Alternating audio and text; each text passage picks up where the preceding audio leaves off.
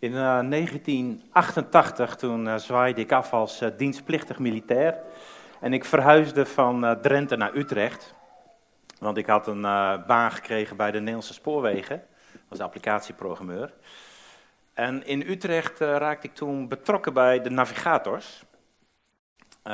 eind 1989 kreeg ik dit boekje Knowing God van Parker, van een vorige generatie navigator, René Soutendijk. Nou, René was een, uh, een navigator die in Utrecht had gewoond, had daar een huis en die ging uh, werken in Afrika. En hij had besloten zijn huis te verhuren aan mensen die dat huis zouden willen gebruiken voor de activiteiten van de navigators. En ik was een van de bewoners in dat huis. En later is dat heeft dat zich ontwikkeld in uh, studentenvereniging NSU, met een eigen sociëteit en dergelijke. En voor mij was dit een hele enerverende tijd, een tijd van nieuwe vriendschappen. Ik heb bijvoorbeeld Albert-Jan Vink leren kennen, die ook hier in deze gemeente zit. En we zijn een tijdje huisgenoten geweest. En dit boek, Knowing God, dat past eigenlijk uitstekend bij de, het motto van de navigators. Christus kennen en bekendmaken. En ik heb het verslonden. En de tekst die René voor in het boekje schreef, wat je hier ook uh, ziet staan, heeft mij te pakken gekregen. Dat, uh, dat haakte echt in mijn ziel. Het inspireert en het mobiliseert op een of andere manier. En ik wil met uh, jullie eigenlijk deze tekst woord voor woord doornemen. En met jullie delen welke gevoelens ik erbij heb. Welke beleving ik bij die woorden heb. En ook hoop ik dat uh, duidelijk wordt waarom het zo'n sterke en mobiliserende tekst is. En ik hoop dat uh, de onderliggende drive en het onderliggende verlangen ook ja, bij jullie overkomt en binnenkomt. Als we even kijken naar deze tekst. Ja, wij willen de Heere kennen. Ernaar jagen hem te kennen. Bij het uh, ja moet ik meteen denken aan een uh, liedje van uh, Wim Sonneveld. Misschien dat jullie dit liedje kennen. zeg maar ja tegen het leven. Zeg maar ja tegen het leven, anders zegt het leven nog nee. Hij heeft dat geschreven en in de mond gelegd van het typetje Frater Financius. En dat is uiteraard een heel hilarisch liedje. Als je zoekt op ehm, The Power of Yes op het internet, dan vind je onder andere een, uh, een boek van uh, Tony uh, Beum. En die stelt het Yes voor als Your Empowerment System. Het Yes geeft je de kracht om te leven. En hij schrijft dat boek ook om je te helpen ontdekken waar wil je nu eigenlijk echt voor leven. En in het Engels, hij zegt dan, to awaken the true desire of your heart het wakker roepen van wat je nou eigenlijk echt verlangt. Waar ga je voor? Nou, waar je voor gaat, dat is nog wel even een belangrijk uh, puntje. Want als je uh, op het internet zoekt, dan zul je ook een boek vinden met precies dezelfde titel van uh, David Haar.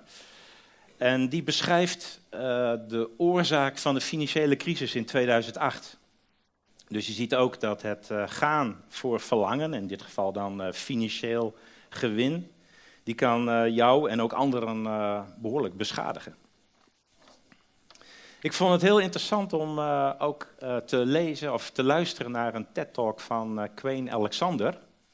En hij begint zijn speech met een stelling. Hij zegt: The language has the power to change our perception.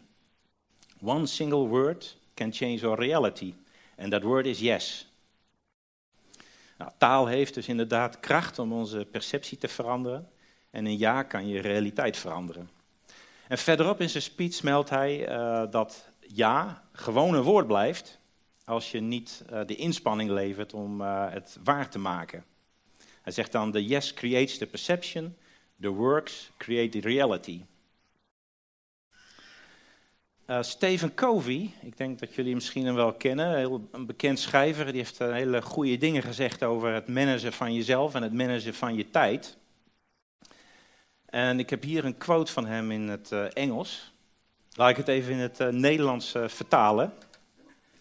Je moet besluiten wat je belangrijkste prioriteiten zijn en dan de moed hebben om nee te zeggen tegen andere dingen. En om nee te kunnen zeggen, moet je van binnen een brandend ja hebben. De vijand van het beste is vaak het goede. Dat stuk om nee te zeggen heb je een brandend ja nodig. Dat uh, heeft mij enorm geholpen om uh, weerstand te bieden tegen zonde. Ik ben een tijd vrijgezel geweest. En ik heb in die periode ook geworsteld met seksuele reinheid. Gelukkig was in die tijd porno nog niet zo makkelijk toegankelijk als dat nu is op het internet. Maar ik voelde wel de kracht van het verlangen naar prikkels en de verleiding om over te gaan tot zelfbevrediging. Wat overigens een buitengewoon misleidende term is, want het is niet echt bevredigend. En ik ken ook wel die uh, spiraal van het verlangen, spijt hebben, uh, jezelf verwijten dat je zo zwak bent. Je hebt goede voornemens, maar je faalt in de uitvoering. En je bent natuurlijk helemaal kwetsbaar als er frustratie in je leven is, als je leven niet loopt zoals je het wil, als je emotionele pijn ervaart of als je gewoon moe bent. Je wil het niet, maar je doet het toch. En dat is ook eigenlijk hoe eh, Paulus eh, de strijd tegen de zonde beschrijft. In de Romeinenbrief eh, schrijft hij daarover. Nou, de sleutel om uit zo'n situatie te breken zit hem volgens mij precies in dit zinnetje. want je kunt je wel heel erg concentreren op nee zeggen en vechten tegen. maar goed, momenten van zwakte, die zullen er altijd zijn. Maar ik heb gemerkt dat het concentreren op het leven zoals je dat wil leiden, waar je enthousiast over bent, uh, de dingen waar je echt van harte ja tegen zegt, dat zijn, dat is dus eigenlijk deze tekst in uh, Hosea, dat maakt dat zonde de grip op je verliest. Nou, Jezus die zei op een bepaald moment ook, als je, zonde, als je oog je tot zonde verleidt, ruk het uit. Zoals jullie kunnen zien heb ik die tekst nooit letterlijk toegepast. Maar ik heb in die tijd bijvoorbeeld wel de televisie uh, uh, het huis uitgedaan. En uh, later, toen mijn oog viel op Dagmar, toen zag ik ook perspectief in haar. En ondertussen zijn we lange tijd al getrouwd. En ook in zo'n relatie merk je dat het ja zeggen tegen iemand je de kracht geeft om ook nee te zeggen tegen andere dingen. Nu is het helaas zo dat velen het christelijk geloof associëren met uh, nee, verboden. Um, we hebben de tien geboden die vooral verboden zijn. Uh, vereer naast mij geen andere goden. Maak geen afgodsbeelden. Misbruik de naam van de Heer niet. Houd de Sabbat in ere, dat is overigens positief gesteld. Toon eerbied voor je ouders, dat is ook positief gesteld. Maar dan verder, pleeg geen moord, pleeg geen overspel, steel niet, leg geen vals getuigenis af. Zeg, zet je zinnen niet op het bezit of de relaties of de vrouw van een ander. Ja, het is dus niet verbazingwekkend uh, dat wij mensen op een bepaald moment uh, een elfde gebod erbij gedacht hebben. Gij zult genieten. Nou, toen Jezus werd gevraagd wat volgens hem het belangrijkste gebod was, toen zei hij, de Heer is je God. Je moet van Hem houden met je hele hart, met je hele ziel en met je hele verstand. Maar de tweede regel is net zo belangrijk. van de mensen om je heen moet je houden evenveel als van jezelf. En die twee regels die zijn de basis van de wet en ook de andere heilige boeken. Dan het stuk wij willen. Het is eigenlijk net zo krachtig als, uh, als het ja, en het past ook heel goed in die uh, woonsituatie waar ik destijds in uh, terecht kwam, met uh, mede-navigators. maar het wij willen, dat ehm, begint wel met de persoonlijke keus. Ja, ik wil. Dat zit erin. In Genesis staat bijvoorbeeld dat een man zich, als hij zich gaat hechten aan een vrouw, hij eerst zich moet losmaken van zijn ouders. Hij moet een man worden die zelf keuzes maakt voordat hij gezonde relaties kan aangaan. Nou, zo is het ook in het geloof. Uh, je kunt niet blijven teren op het geloof en de gewoontes van je ouders. Maar je zult zelf keuzes moeten maken. Het wij willen heeft dan, uh, wat mij betreft, ook helemaal niks te maken met groepsdruk, want het impliceert ik wil. Hè? Maar als je ergens voor wil gaan, doe het dan samen. In het Engels uh, is er een mooi gezegde: If you want to go fast, als je snel wil gaan, go alone, ga alleen. But if you want to go far, dus als je ver wilt uh, komen, go together. Een prediker die zei het zo: Je kunt maar beter met z'n tweeën zijn dan alleen, want samen bereik je meer dan in je eentje. Als een van beiden valt, dan helpt de ander hem weer overeind. Maar als je alleen bent, kan niemand je weer overeind helpen. Als twee mensen samen slapen, blijven ze lekker warm. Maar als je alleen slaapt, krijg je het koud. Als iemand alleen is, kan hij zich niet goed verdedigen. Maar samen kun je tegenstanders aan. Samen ben je sterker. Net als een touw dat gemaakt is uit drie uh, losse touwen. Dat trek je niet zomaar stuk. Zoek dus een uh, gemeenschap van mensen die de naam, zoals de naam eigenlijk al zegt, iets gemeenschappelijks hebben, die een gemeenschappelijk streven hebben. En uh, de, een mooie illustratie van uh, de kracht van dat samen vind ik dit plaatje van uh, drie mannen die een balk dragen, een gemeenschappelijk houvast hebben. En als ze een kloof tegenkomen, elkaar ook behoeden voor de valkuil. Ik heb thuis een uh, open haard. En als je veel uh, naar vuur kijkt, zoals ik dat doe, uh, dan weet je dat één blok hout, dat brandt niet lekker. Twee blokken, dat brandt al beter. En met drie blokken of meer krijg je een echt goed vuur. En dat wij willen, dat is natuurlijk ook de reden dat ik hier ben. En ik hoop ook dat dat de reden is waarom jullie hier zijn. En waarom ben je deel van de Vinjaard? Uh, de meeste van jullie zullen de missie van de Vinjaard niet zelf geformuleerd hebben. Maar heb je er wel ja, op gekoud en over nagedacht? Is het iets waar je zelf warm voor bent? liefde ontvangen en weggeven zoals Jezus, door relaties, vanuit zijn nabijheid en in ons midden en om ons heen? Is dat ook iets waar je voor wil gaan?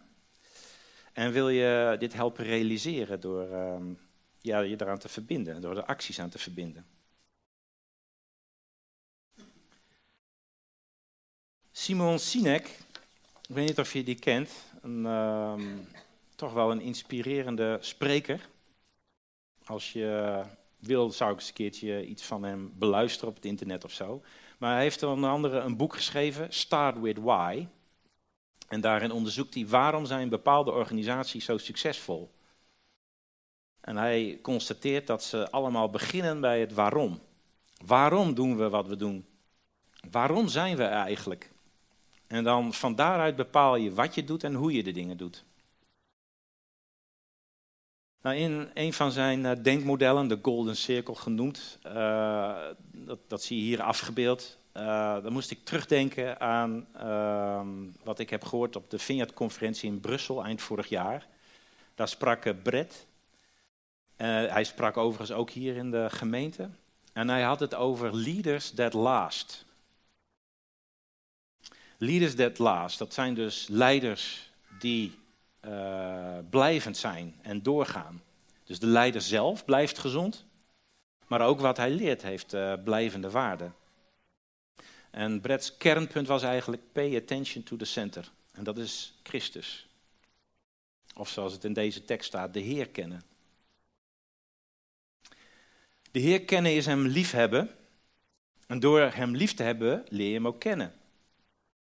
En de manier waarop je dat uh, allemaal beleeft zal best verschillen. Maar je moet wel zorgen dat je uh, deel bent van een groep die diezelfde missie heeft. Dit kennis is geen intellectuele kennis. In de inleiding van uh, zijn boek spreekt Parker over balkoniers en travelers. De travelers, dat zijn de mensen die zijn daadwerkelijk onderweg. En zij worden geconfronteerd met praktische problemen zoals Waar moet ik heen? Wat moet ik doen? Hoe doe ik dit? Maar ook met de vraag waarom doet God dit? En als je onderweg bent kun je natuurlijk te raden gaan bij theorie. Er is niet zo praktisch als een goede theorie. Maar je kunt daar niet in blijven hangen. Want je zult moeten besluiten. Je bent onderweg. Die balkoniers daarentegen, uh, die kijken toe. Vanaf een balkon hebben ze een mooi overzicht. Uh, ze kijken uh, naar reizigers onderweg. En ze kunnen soms uitstekende adviezen geven. vanuit hun hoge positie hebben ze wat overzicht van een stukje van de weg. Ze horen wat andere reizigers eh, te melden hebben. Maar zelf zijn ze niet onderweg. En de vraag is dan ook: zit jij op een balkon en kijk je toe? Of ben je zelf onderweg?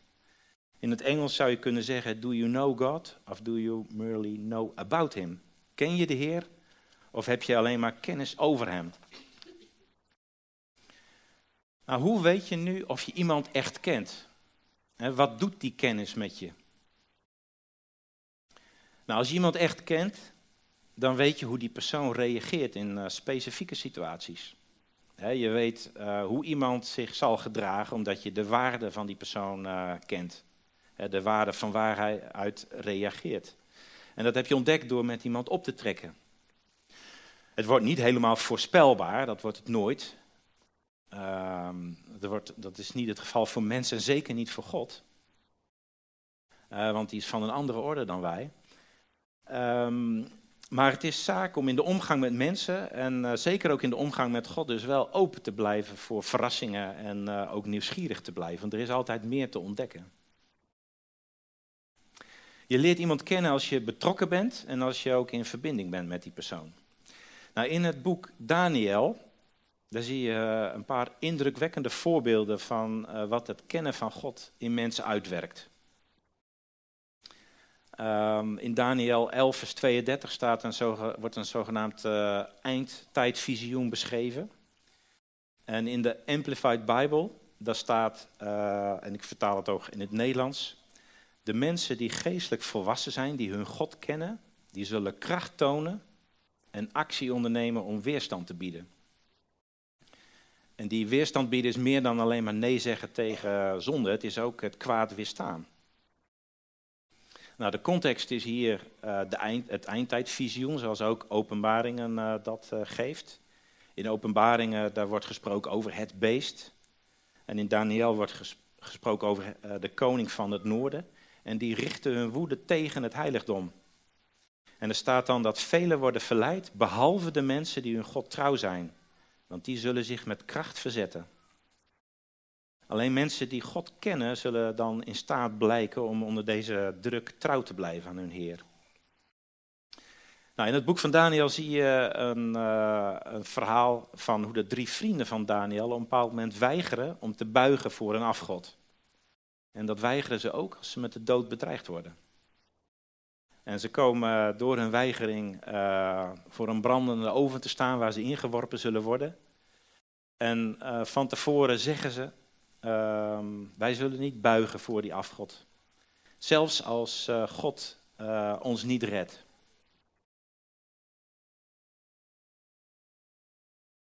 Nou, als ze dan in die oven worden gegooid, dan zien de omstanders tot hun verbazing dat er vier mensen rondlopen. Er is een engel bijgekomen. Daniel krijgt een paar hoofdstukken later een vergelijkbare uitdaging. Hij uh, dient aan het hof, hij doet het uit goed, heel goed. En zijn uh, collega hovelingen zijn gewoon jaloers, die concurreren blijkbaar met hem. En die kijken of ze hem in de val kunnen lokken, of ze iets kunnen vinden tegen hem. En ze hebben al ontdekt, we vinden niks, tenzij we iets vinden wat met zijn geloof te maken heeft. Ja, dus laten we hem in conflict brengen met zijn geloof. Dus ze regelen dat de koning een wet uitvaardigt waardoor je een maand lang niet mag bidden tenzij je een verzoek aan de koning richt. Nou, de koning die trapt erin. En uh, dan zie je dat Daniel de confrontatie helemaal niet uit de weg gaat. Hij houdt gewoon vast aan zijn dagelijks gebed. En dat doet hij zoals gewoonlijk voor een open raam. Dus dat is uh, uh, makkelijk oppakken, die man. Ik denk dat mannen en vrouwen die God kennen, weten ook wanneer het erom draait. En, en dit is zo'n moment voor Daniel. We weten ook hoe het afloopt uit het verhaal. Uh, Daniel wordt voor de koning geleid, die is er helemaal niet blij mee. Maar hij moet volgens de wet Daniel uh, veroordelen. En uh, het is hier heel opmerkelijk dat de koning, nog voordat hij weet hoe het zou aflopen, tegen Daniel zet, zegt: Uw God die u zo vasthoudend dient, zal u redden. En dat gebeurt dan ook. Dus hoe weet je of je God kent? Dat kun je zien.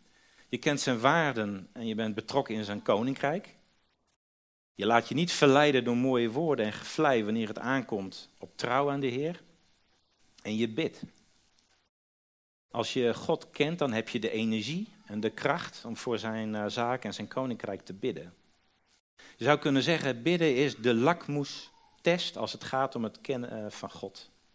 En vertrouwd zijn met hem. Misschien weten jullie nog wel dat uh, Michiel in november over aanbidding sprak. En hij haalde de tekst aan dat de Vader zoekt naar aanbidding in geest en in waarheid.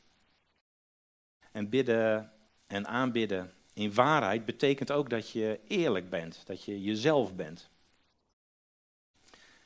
Als je nou eens kijkt naar dit uh, simpele modelletje.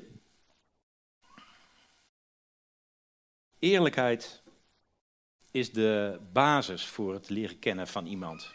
Zonder eerlijkheid blijven dingen verborgen en is het vertrouwen dus ook uh, beperkt. Op zijn beurt, pas als je iemand kent, is er vertrouwen om te komen tot uh, openheid en eerlijkheid. Je zou kunnen zeggen, dit is een uh, kip- en een ei-probleem. Maar God doorbreekt dit dilemma door zijn genade.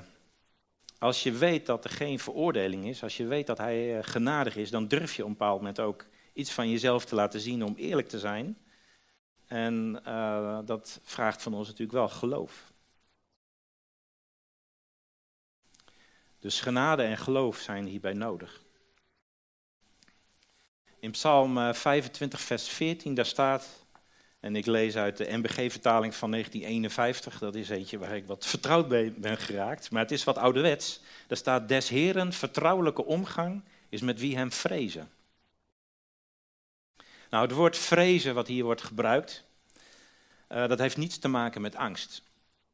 Maar het heeft wel alles te maken met uh, ontzag en respect hebben. En dat onderstreept ook het belang van het woord de Heer. we hebben het over de Heere. Hij is je schepper. En een besef van de juiste verhoudingen als je met hem omgaat is wel uh, gepast. Um, je bent als mens van hem afhankelijk en hij is niet van jou afhankelijk. Hij heeft jou gemaakt en niet andersom. Nu is het uh, paradoxale dat je enerzijds zijn kind bent en je bent zelfs zijn erfgenaam. En dat je anderzijds in de Bijbel ook uh, slaaf wordt genoemd van Christus. Een ondergeschikte aan de Heer, de Heer.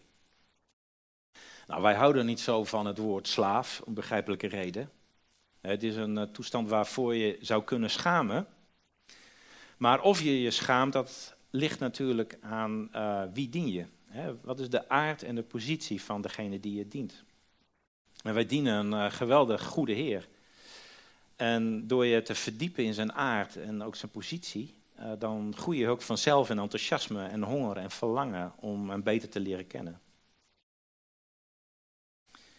In Johannes 17, vers 3, daar wordt het kennen van God gelijkgeschakeld met leven.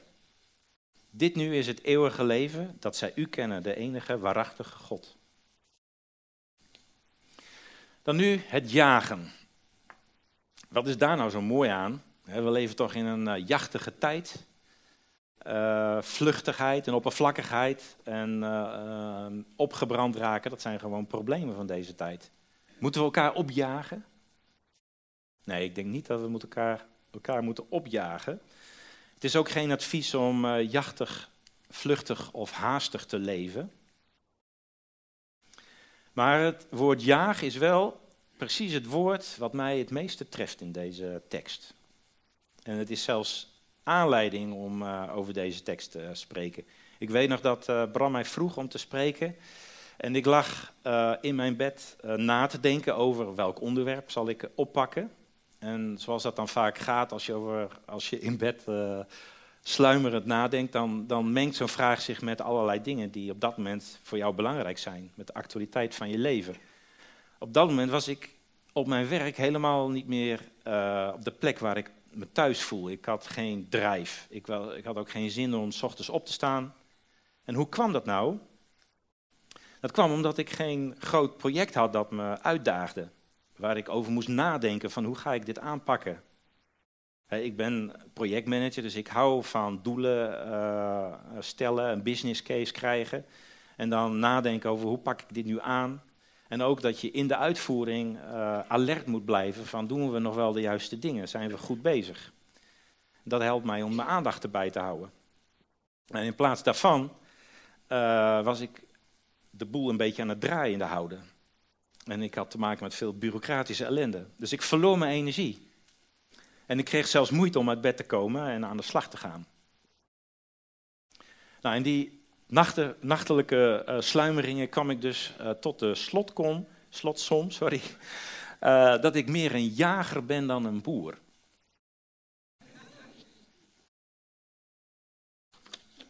Nou heb ik niks tegen boeren, um, maar dat jagen spreekt me gewoon aan. Ik heb in mijn leven uh, nooit echt gejaagd op dieren. Dat kan ik wel uh, ter geruststelling zeggen. Um, maar wat in de buurt komt, is dat ik uh, heel veel oorlogje heb gespeeld met mijn broer. Of nog beter, cowboytje en indiaantje. Uh, ik hield vooral van de indianen, want die konden zo goed sluipen. Hè? Dus mijn broer en ik die speelden cowboytje en indianen in het bos bij ons thuis. Het tragische voor mij was overigens wel uh, dat op de televisie de Indianen meestal verloren en ook uh, de slechteriken waren. En ik weet nog bijvoorbeeld de film De Laatste der Mohikanen. Heb je een prachtige openingsscène. Waar een, uh, een, een, aantal Indianen door een bos hard rennen. Nou, dat spreekt mij enorm aan. Ik vind dat machtig om te zien. Het tragische zit natuurlijk wel weer in de titel van de film. De Laatste der Mohikanen. Maar goed. Dus een jager die heeft al zijn zintuigen nodig om zijn prooi te pakken of zijn doel te bereiken. Je moet goed nadenken. Waar kan ik die prooi vinden? Hoe beweegt hij zich door het bos? Je moet als jager ook doorzetten kunnen. Hè? Je hebt uithoudingsvermogen nodig. En je zult ook regelmatig misgrijpen. Maar als je dan je doel bereikt, dan heb je ook wat bereikt en dan kun je genieten van de uh, verrichte inspanningen. Nu gaat het bij het leren kennen van onze Heer niet om de tegenstelling tussen, tussen jager en boer. Hè? Het jagen spreekt mij nou eenmaal aan door mijn temperament. Maar ik denk dat het beeld van boer ook eh, prima past bij uh, onze relaties. Uh, de relatie met de Heer, de relatie met je vrienden. je moet het onderhouden. Het is ook nooit klaar. een boer die zal dag in dag uit bezig zijn om zijn land te cultiveren en te onderhouden. Maar uh, zowel de boer als de jager zullen elke dag opnieuw met e-, nieuwe energie aan de slag gaan. De een optimaliseert, cultiveert, de andere die zoekt, die scant zijn omgeving, die probeert te ontdekken en uh, na te jagen. En er zit dus passie in zo'n woord als jagen. De Bijbel heeft het ook voortdurend, of heeft het vaak over zoeken, kloppen, ontdekken. Paulus die vergelijkt het christelijk leven zelfs met een hardloopwedstrijd. In het beeld van een hardloopwedstrijd gaat het erom dat je bepaalde dingen moet laten om een prijs te, te halen. En de prijs uh, is het kennen van Christus. En je hebt ook discipline nodig. Je moet nee kunnen zeggen tegen dingen. Nu lijkt het soms of uh, God niet wil meewerken of hij zich verstopt. Zou hij dat nou doen om ons sterker te maken, om doorzettingsvermogen en vastberadenheid uh, te kweken? Ja, ik denk het wel. Laten we eens de rest van de tekst lezen. Na het ja, wij willen de Heer dienen. En na ja, hem te kennen, komt een stukje. Zo zeker als de dageraad is zijn opgang. En dan komt hij tot ons als de regen. Als de late regen die het land besproeit. Dus deel B van deze tekst is goed nieuws voor de boeren. Na het verlangen, de toewijding, het jagen, het cultiveren, komt de Heer eindelijk. En bedenk dat dit is opgeschreven in een uh, land waar het droog is, een woestijnachtig land. En als de regen dan komt op zijn, uh, zijn uh, seizoenstijd, dan is er ook een opluchting. Eindelijk de regen. En je hebt die zegen van de regen ook nodig. Die laat alles opbloeien. Je zou kunnen zeggen, na de spanning van deel A komt de ontspanning in uh, deel B. Ik wil tenslotte een link leggen met genade. En dat doe ik door een uh, vergelijking te maken met het volgen van een opleiding en dan uh, het wel of niet halen van een diploma. Ik denk dat we bijna allemaal wel die ervaring hebben met de uitdaging van een diploma halen. Het brengt altijd een beetje ja, stress met zich mee. Maar die stress heb je ook nodig, hè? want dat, is, dat geeft je de juiste focus, uh, het mobiliseert je energie. En als je goed voorbereid uh, bent en je al het nodige werk hebt gedaan, dan komt het moment van het examen. En dan is er een spannende vraag, ben ik nou geslaagd of gezakt? Nou, Wim de Vink heeft uh, een prachtige overweging bij de tekst in Johannes 15, vers 4, waar hij eigenlijk dit hele verhaal omdraait. Hij zegt eigenlijk, uh, in het evangelie van het genade is dus het precies omgedraaid. Um, samengevat zegt hij, in, het, in Gods koninkrijk gaat het eerst om je positie en dan om de praktijk. Je krijgt eerst je diploma. En dan mag je daarmee in de praktijk aan de slag om te ontdekken waarvoor je geslaagd bent. Jezus zegt: Blijf in mij. Dat is de positie die hij je aanbiedt. En door dat aan te nemen, door Christus aan te nemen, krijg je per direct je diploma. Je bent geslaagd, je bent aangenomen en de geest van God komt in je wonen. En op grond van jouw positie in Hem komt alles wat Jezus heeft volbracht jou ten goede. daarna ga je in de praktijk met je diploma op zak en de Heilige Geest in je binnenste ontdekken wie God is en wat jouw privileges zijn.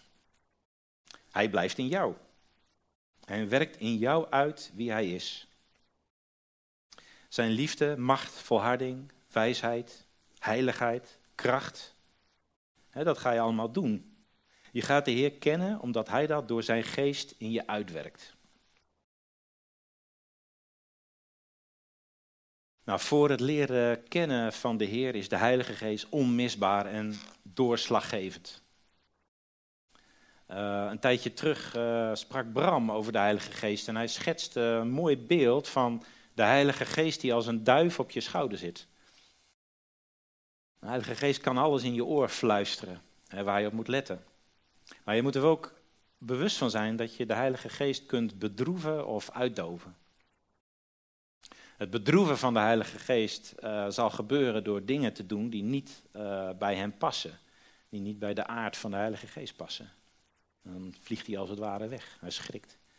Het uitdoven van de Heilige Geest gaat spelen als je stopt om de Heilige Geest te voeden. Als je stopt om je geloof te voeden. Als je stopt met zoeken, kloppen, ontdekken en cultiveren. Ja, willen jullie hiervoor gaan?